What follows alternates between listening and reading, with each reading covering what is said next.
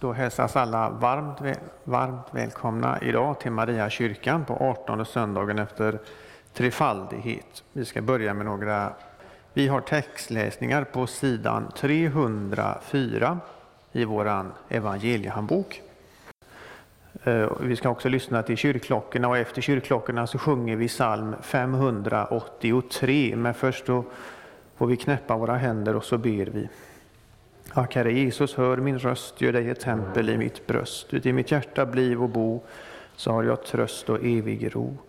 Nu tackar vi dig Herre att vi får vakna upp till denna vackra höstdag. Vi tackar dig för din skapelse, vi tackar dig att du sände din son i världen. Och vi tackar att vi får komma till denna församling. Vi tackar dig att ditt ord predikas. Vi ber att du ska få tala till var och en av oss och att du ville sända din heliga ängel som vakar över oss allesammans. Ber också för denna stad, dessa bygder, att ditt ord ska få predikas rent och klart. Var med de som inte kunde ta sig till kyrkan idag också. Var med alla som följer oss via skärmar. Välsigna denna stund och låt det få bli till välsignelse. I Jesu namn. Amen.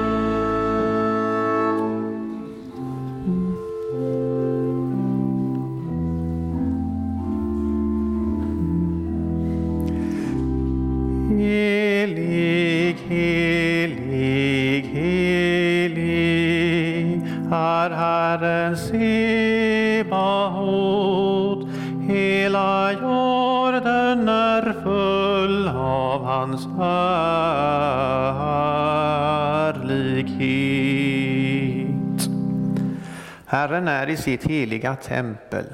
Hans tron är i himmelen, men han är också nära dem som är ödmjuka och ångerfulla. Han hör deras bekännelse och vänder sig till deras bön. Låt oss därför med frimodighet komma inför honom och bedja om förlåtelse.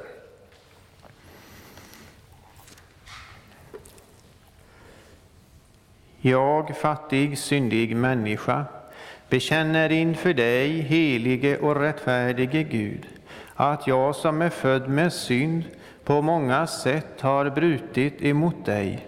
Jag har inte älskat dig över allting och inte min nästa som mig själv. Mot dig och dina bud har jag syndat med tankar, ord och gärningar. Jag är värd att förkastas från ditt ansikte om du skulle döma mig som mina synder har förtjänat. Men du, käre himmelske Fader, har lovat att med mildhet och nåd ta emot alla som vänder sig till dig. Du förlåter dem allt vad de har brutit och försummat och tänker inte mer på deras synder. Detta litar jag på när jag nu ber dig om förlåtelse för min frälsares Jesu Kristi skull.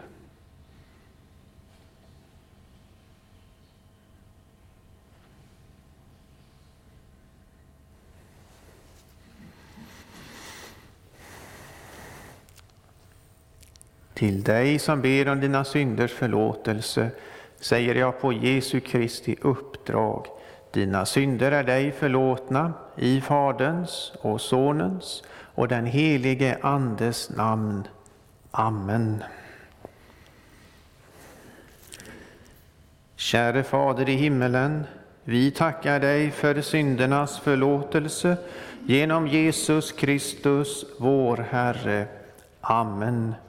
Helige Herre Gud, helige starke Gud, helige barmhärtige frälsare, du evige Gud, förbarma dig över oss.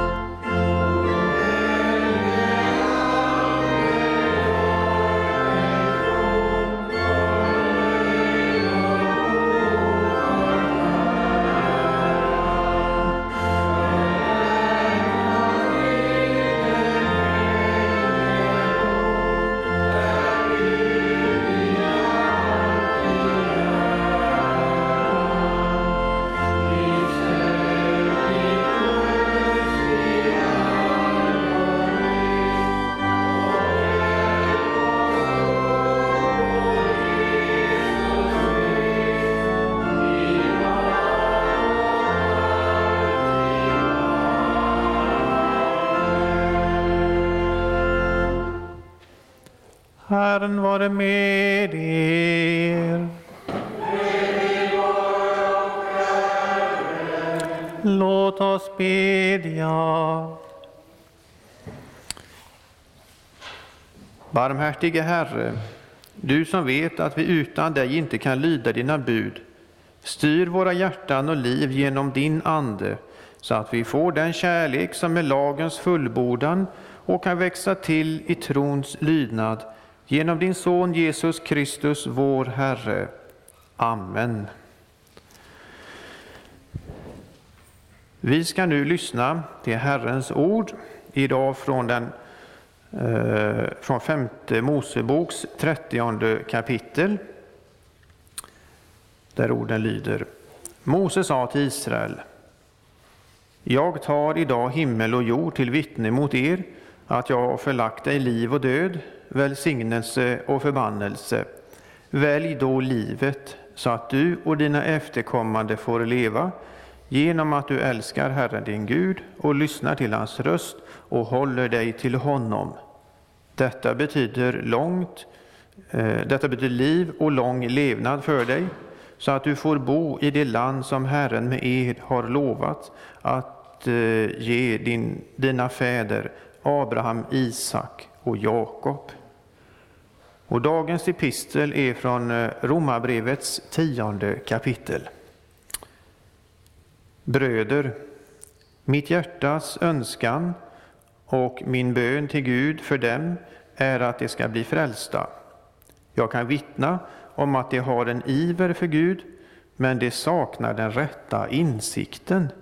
De känner inte rättfärdigheten från Gud, utan försöker upprätta sin egen rättfärdighet och därför har de inte underordnat sig rättfärdigheten från Gud. Kristus är lagens fullbordan till rättfärdighet för var och en som tror. Så lyder Herrens ord. Gud, vi tackar dig. Och så sjunger vi psalm 5, 8, 2.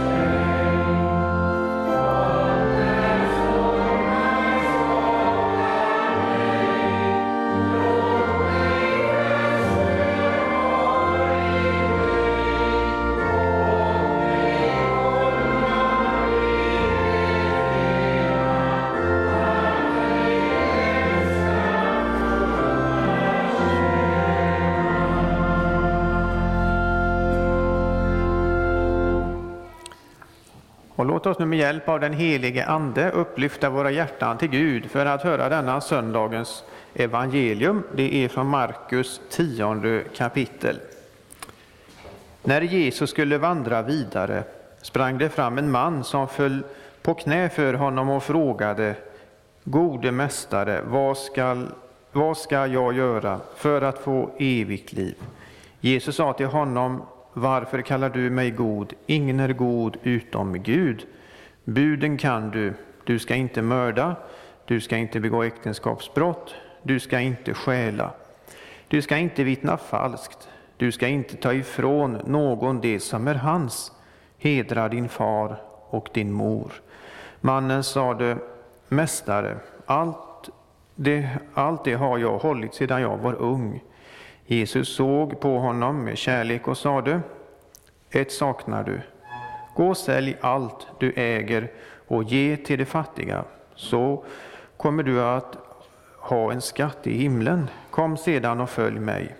Vid de orden mörknade mannen, och han gick bedrövad bort, för han ägde mycket. Jesus såg sig omkring och sa till sina lärjungar, hur svårt är det inte för dem som har pengar att komma in i Guds rike? Lärjungarna blev förskräckta över hans ord, men Jesus sa än en gång till dem, mina barn, hur svårt är det inte att komma in i Guds rike? Det är lättare för en kamel att eh, komma igenom ett synålsöga än för en rik att komma in i Guds rike. Då blev de ännu mer förskräckta och sa till varandra, vem kan då bli frälst? Jesus såg på dem och sade, för människor är det omöjligt, men inte för Gud. För Gud är allting möjligt. Så lyder det heliga evangeliet. Lovad vare du, Kristus. Och låt oss nu högt och gemensamt bekänna vår kristna tro. Vi tror på Gud Fader allsmäktig, himmelens och jordens skapare.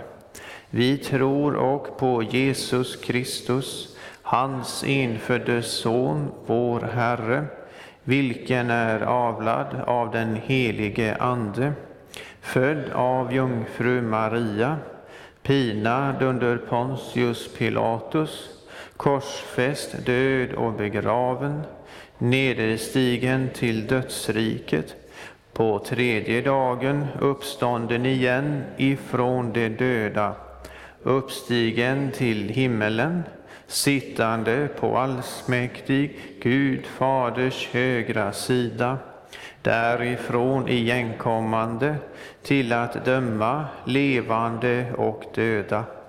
Vi tror och på den helige Ande, en helig allmänlig kyrka, det heliga samfund, syndernas förlåtelse, de dödas uppståndelse och ett evigt liv. Och medan barnen går ner på söndagsskolan så sjunger vi 279.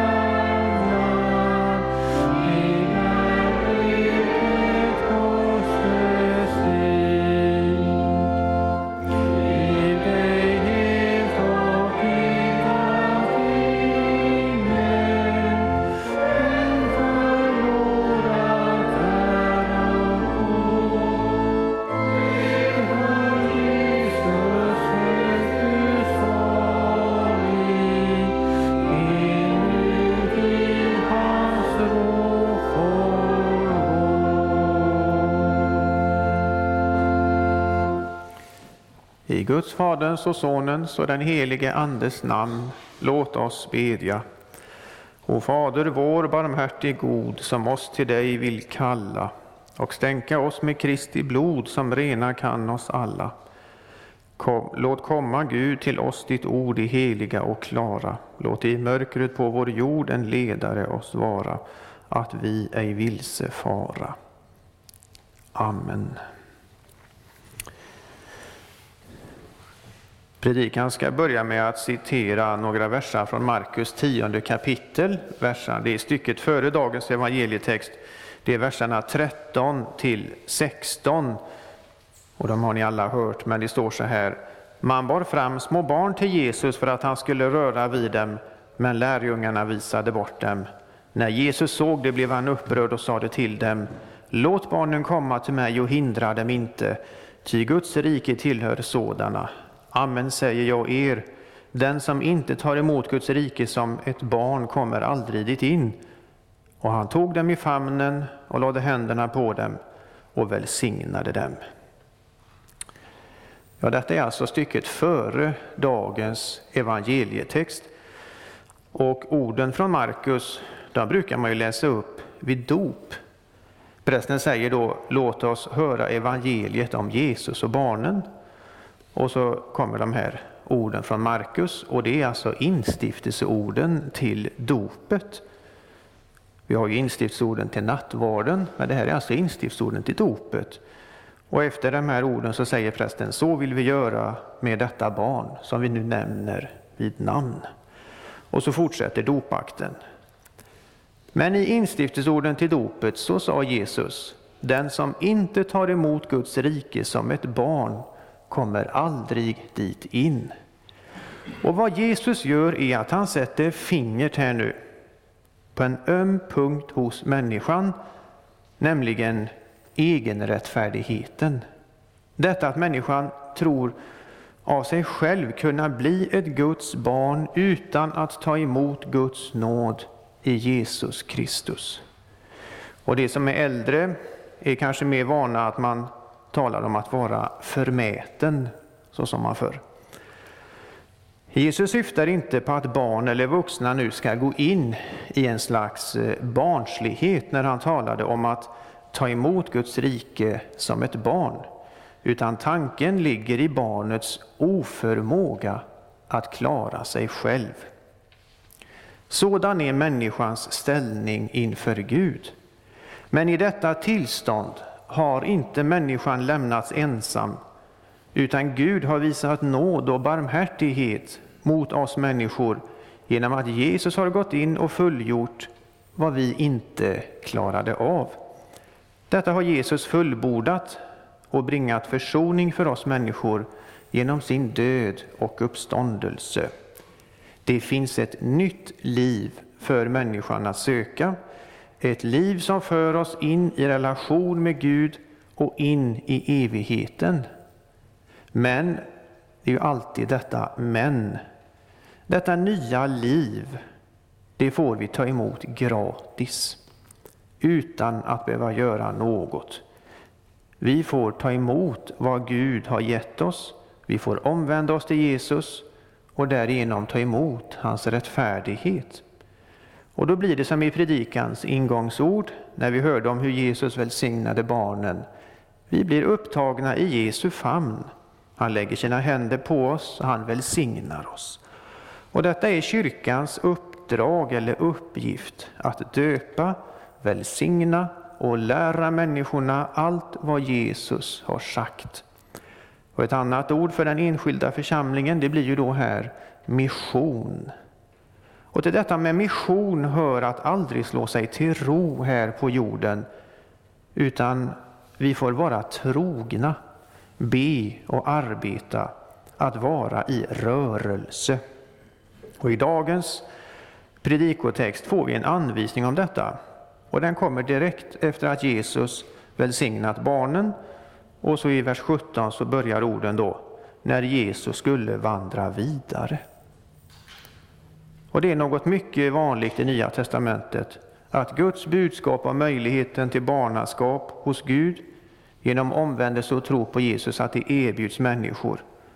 Och det får vi ett exempel på här nu i evangelierna. Där ser vi också hur Jesus är på vandring och läser vi apostlagärningarna. Där har vi alla dessa enorma resor på flera år. Och vi ser vi till kyrkans uppdrag, kyrkohistoriskt, så har vi ju missionen hela tiden och även idag. Evangeliet är i rullning. Människor kommer till tro och därmed bildas församlingar. Men samtidigt så är ju inte kyrkans uppgift något problemfritt. Det vet alla som är verksamma i församlingslivet och en sådan motgång får vi höra talas om i dagens evangelietext. Vi möter idag en man som inte ville bli så som ett barn och bli i beroendeställning av vad Gud gjort och ger. Det vi ser i Jesu möte med den rike mannen, det är ju en maktkamp om människans själ. Här inne alltså. Hur saker och ting rycker, sliter och faktiskt förvillar. Och predikan ska nu säga något om denna maktkamp och begreppet egenrättfärdighet. Det kommer att återkomma i tre delar. Och det första är att egenrättfärdigheten den möter Jesus. Den man som nu omtalas i dagens text, honom får vi se vara en from man. Han ville verkligen vara Gud trogen. Det är ju inte alla som ställer sådana frågor idag. Jag menar, tänk själva, hur ofta händer det att folk kommer fram till er och frågar vad ska jag göra för att få evigt liv? När fick ni den här frågan senast? Jag fick frågan en gång varför en person inte var troende eller kristen och jag för mig jag svarade med en motfråga då om personen läste Nya Testamentet och spann vidare på den tråden. För mannen som kom till Jesus, då kan vi först notera vilket oerhört intryck Jesus måste ha gjort på honom. Jesu liv och gärning det ger oss en påminnelse om hur kristenheten är världens bibel. Folk har ögonen på oss. Och börjar saltet förlora sin sälta så minskar också missionens kraft eftersom då brukar folks blickar upphöra att vara riktade mot kristenheten. Som enskilda kristna vet vi inte vad som rör sig i människors inre och än mindre vad som sker i andevärlden. När kristna ber och verkar i sin närmiljö så ligger det sedan i Guds händer när ett människomöte gällande den kristna evigheten dyker upp. Och det är ett sådant möte som vi får ta del av idag. När Jesus skulle vandra vidare sprang det fram en man som frågade Gode mästare, vad ska jag göra för att få evigt liv? Mannen som nu kom är orolig för sin själ. Och Jesus svar kan tyckas lite konstigt. Varför kallar du mig god? Ingen är god utom Gud. Mannen som kom fram kanske inte visste vem han hade knäfallit för, att det faktiskt var Gud som stod där. Men i Jesus svar ligger en skarp tillrättavisning, nämligen ingen är god utom Gud. Och vad säger detta om människans själatillstånd? Det är ju inget uppmuntrande svar. Men i Guds godhet ligger att säga sanningen även när det gör ont. Så är det ju när vi åker till vårdcentralen eller till sjukhuset. Det är inte alltid att vi får höra det som är uppbyggligt, det vi hade väntat oss. Men det är rent yttre livet, när vi ser till den här mannen, det var inget problem. Han var tydlig med sitt svar till Jesus och det stod Jesus såg på honom med kärlek. Mannen tog det allvarligt med Guds bud och det var något heligt och viktigt för honom. Gud var en verklighet för mannen och utifrån hans livssträvan och allvarsamhet inför den högste får vi se att han var from. Men en yttre fromhet som på ett sätt blir ett försanthållande för den som lever i det. I den övertygelsen så behöver det ju för den sakens skull inte vara bra. Den rike ynglingen var ju inte tillfreds i sitt inre, här inne i sitt hjärta. Och det andra i predikan det är då att egenrättfärdigheten den behöver avslöjas och det gör ont. Ja, något i mannens hjärta gjorde att han behövde söka upp Jesus för råd och hjälp. Den yttre fromheten gav inte en fullt inre frid. Jesus ställde då den ransakande frågan gällande en sak. Gå och sälj allt vad du äger och ge till de fattiga, så kommer du att få en skatt i himlen. Kom sedan och följ mig. Vid de orden mörknade mannen och gick bedrövad bort, för han ägde mycket. Jesu uppmaning är inte att kristna ska sälja allt och bli fattiga, utan fokus i denna fråga det är nu en enskild själavårdsfråga till den rike ynglingen. Han saknade ju den sanna tilliten till Gud. Den tillit han hade låg ju i det rent yttre och på ett sätt är det ju inte fel. Men han blev ju inte ren, hans hjärta blev ju alltså inte rent bara för att han hållit buden sedan han var ung. Lärjungaskapet i Jesus handlar ju inte bara om att se vad man själv klarar av. Men äh, människan kan ju läsa sin bibel och fira gudstjänst och så vidare utan att det för den sakens skull handlar om att släppa taget om sitt eget och överlämna sitt liv åt Herren Gud.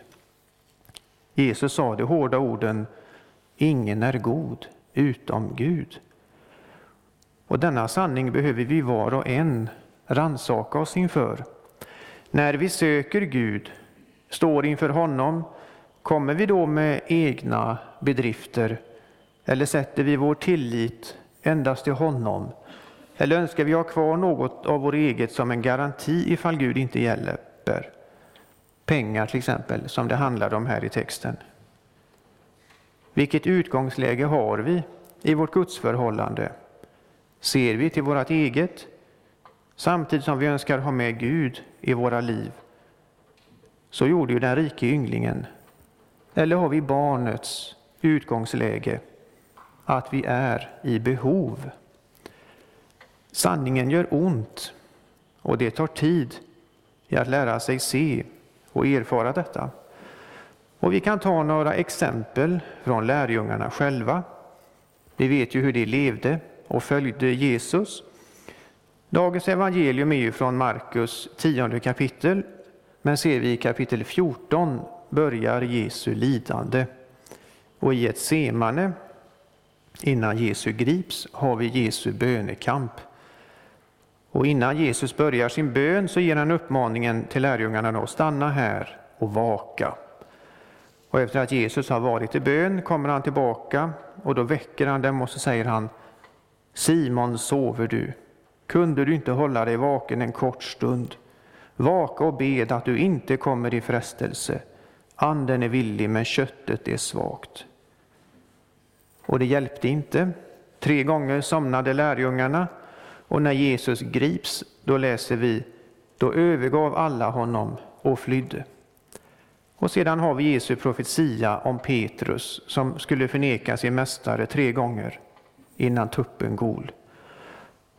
Och går vi då över till Matteus och ser på händelsen från påskmorgonen med soldaternas rädsla, då det osynliga blev synligt, står det ju vakterna skakade av skräck för honom och blev som döda. Ängeln rullade ju bort stenen för gravens ingång. Och då kan vi ju tänka att i en armé gick det ju inte att ha små smala herrar, utan det var ju förmodligen ganska välvuxna män med allehanda vapen och skydd som stod där. Men vad hjälpte detta? Och de nämnda exemplen de är ju åt två håll här nu. Lärjungarna klarade inte av på egen hand, även om de från, själv, från början trodde att de skulle göra det, att stå emot den onda andemakten som nu kom. Men de somnade, de avföll och de till och med förnekade samröre. Soldaterna å sin sida hade inget att sätta emot när Guds makt uppenbarades genom att en ängel kom och som det står rullade bort stenen och satte sig på den. Här på jorden har vi ondskan i våra liv, i samhället och ute i världen, men också godheten, att vi har så oerhört mycket att vara tacksamma för i samhället och inte minst att få tillhöra en församling. Men med bilden av lärjungarna och soldaterna visar oss också att det finns en osynlig kamp och strid om människans själ. Och det är en verklighet som vi behöver påminna oss om varje dag.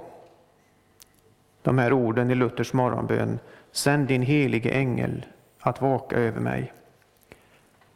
Det tredje och sista i predikan är att endast med Guds hjälp så övervinns egenrättfärdigheten och människan blir frälst. Ja, egenrättfärdigheten, detta att vi tror oss klara oss själva utan Guds nåd och hjälp, gör bara våra hjärtan hårda för Guds nåd. Den som erkänner, ödmjukar sig, blir som ett barn och tar emot hjälp. Och att ödmjuka sig blir samma sak som att öppna sig för Guds nåd. Att se sanningen om sitt eget hjärta, sådant det är inför Gud, den Helige. Men denne helige Gud, som skapat himmel och jord, han har också gett oss en frälsning i Jesus Kristus. Vilket gör att vad alla människor, oavsett vad som tidigare hänt, vad du tidigare satt din förtröstan på, bli förlåten när du vänder dig till Jesus. För den som inte erkänner, den blir hård, stänger sitt hjärta för Guds nåd och fortsätter att förlita sig på sin egen förmåga och kraft. Och i detta tillstånd, då är man inte ett Guds barn, även om man själv tror sig vara det. Det är ju det dagens evangelietext visar klart och tydligt för oss. Och det är något mycket allvarligt, vilket ligger i Jesu ord. Jesus, eller i orden då, Jesus, när de beskriver, hur Markus beskriver detta. Jesus såg sig omkring. Och när nu Jesus ser dig och ditt hjärta, vad sätter du ditt hopp och din förtröstan till? Vad ser han då?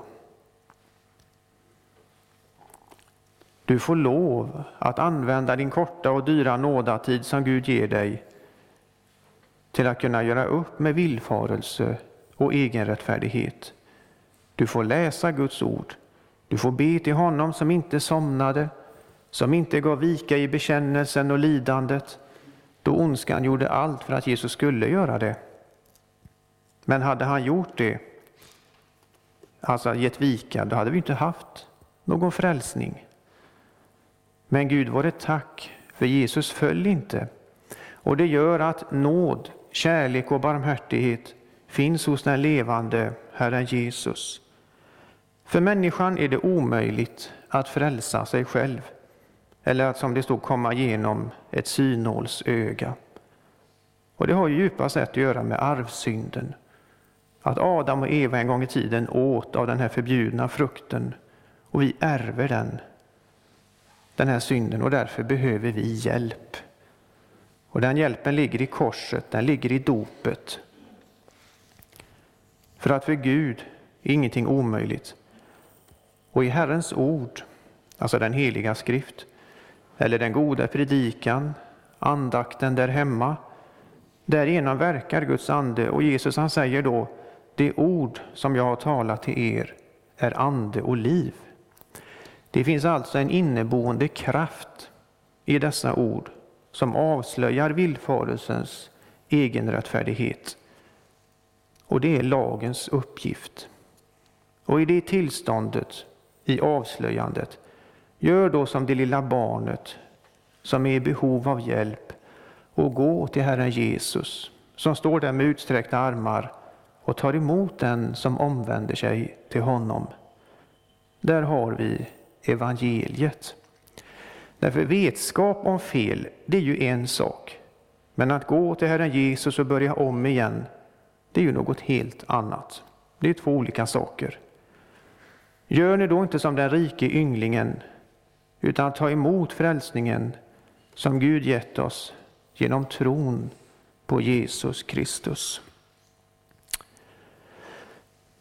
Så har vi nu fått höra om hur Jesus ställde barnet framför oss och visade oss på dess behov av hjälp. Och han uppmanade oss att bli som barn för att kunna komma in i Guds rike. Det ligger ett stort allvar och en stor nåd i Markus tionde kapitel där vi läser om hur Jesus välsignar barnen på den ena sidan och på den andra sidan Jesus och den rike mannen. Dessa två berättelser ställs emot oss människor och visar verkligheten av vår själ och vilken maktkamp det är om människans själ. För antingen så stannar man vid hur Jesus välsignar barnen och ser glädjen i den berättelsen och sen bryr man sig inte om något mer. Det var ju gulligt och fint, tänker man. Men det stod ju så här också, när Jesus fortsatte sin vandring. Livet pågår ju. Vi vandrar ju, vi lever. Så vill du följa med på den vandringen, då kommer också en annan verklighet att uppenbaras. Och det är att egenrättfärdigheten, den möter Jesus. Och i det mötet så avslöjas den, vilket gör ont. Och slutligen, endast med Guds hjälp så övervinns egenrättfärdigheten, eller som man sa för förmätenheten, och människan blir frälst. Ty för Gud är allting möjligt. Amen. Lovad vare Gud och välsignad i evighet, som med sitt ord tröstar, lär, förmanar och varnar oss. Helige Ande, skriv ordet i våra hjärtan, så att vi inte blir glömska hörare, utan varje dag växer till i tro, hopp, kärlek och tålamod in till tidens slut och blir saliga genom Jesus Kristus, vår Herre. Amen.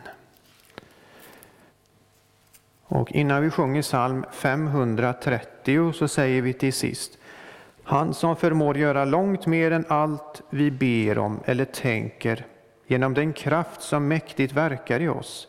Honom tillhör äran i församlingen och i Kristus Jesus genom alla släktled i evigheters evighet. Amen.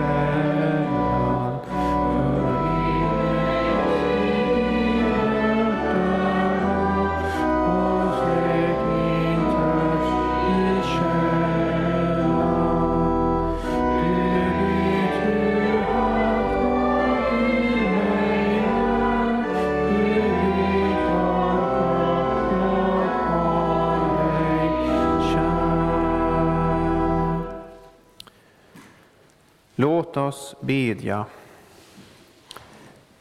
Herre vår Gud, vi ber dig, styrk och led din kyrka och samla ditt folk kring ordet och sakramenten. Låt ditt evangelium nå ut i hela världen och väcka levande tro. Vi ber att du ska ge oss goda präster och lärare efter ditt sinne, att du ska väcka och kalla kyrkmänniskor till vårt land och vår församling. Vi ber också att du ska ge dina vittnen kraft när de får lida för din skull. Skydda vårt land och ge vishet åt dem som har fått förtroende och ansvar i vårt samhälle.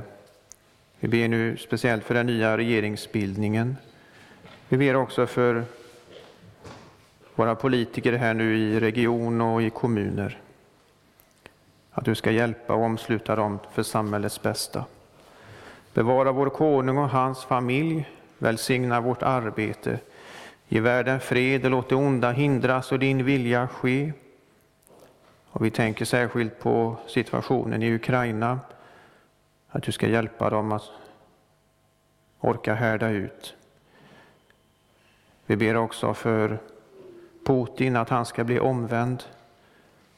Hjälp honom att inse vad det är för beslut han ger och vad det får för konsekvenser. Var med det ryska folket som har en sådan ledare. Ge oss dagligt bröd och stärk vår vilja att dela med oss åt dem som lider nöd. Låt våra hem präglas av sammanhållning, trygghet och kristen tro. Hjälp oss att värna om det heliga äktenskapet som du har instiftat mellan man och kvinna.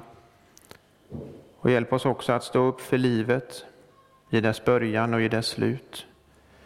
Gör vår församling till ett hem där vi får mötas i bön, arbete och gemenskap.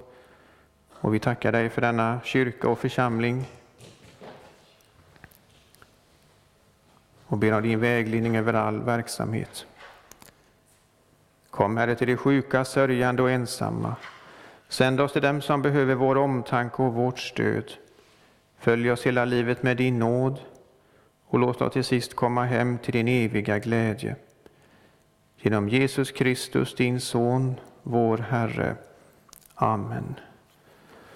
Och så ber vi den bön som Jesus har lärt oss.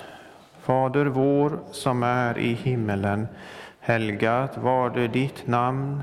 Tillkommer ditt rike. Ske din vilja så som i himmelen så och på jorden.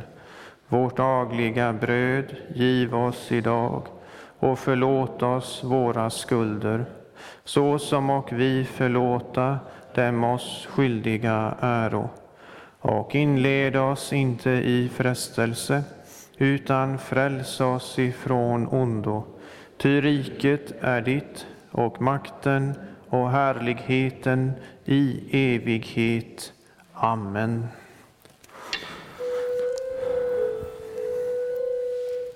Låt oss tacka och lova Herren. Herren vare tack och lov. Halleluja, halleluja, halleluja. Tag emot Herrens välsignelse. Herren välsigne er och bevare er. Herren låte sitt ansikte lysa över er och vare er nådig. Herren vände sitt ansikte till er och give er frid. I Faderns och Sonens och den helige Andes namn.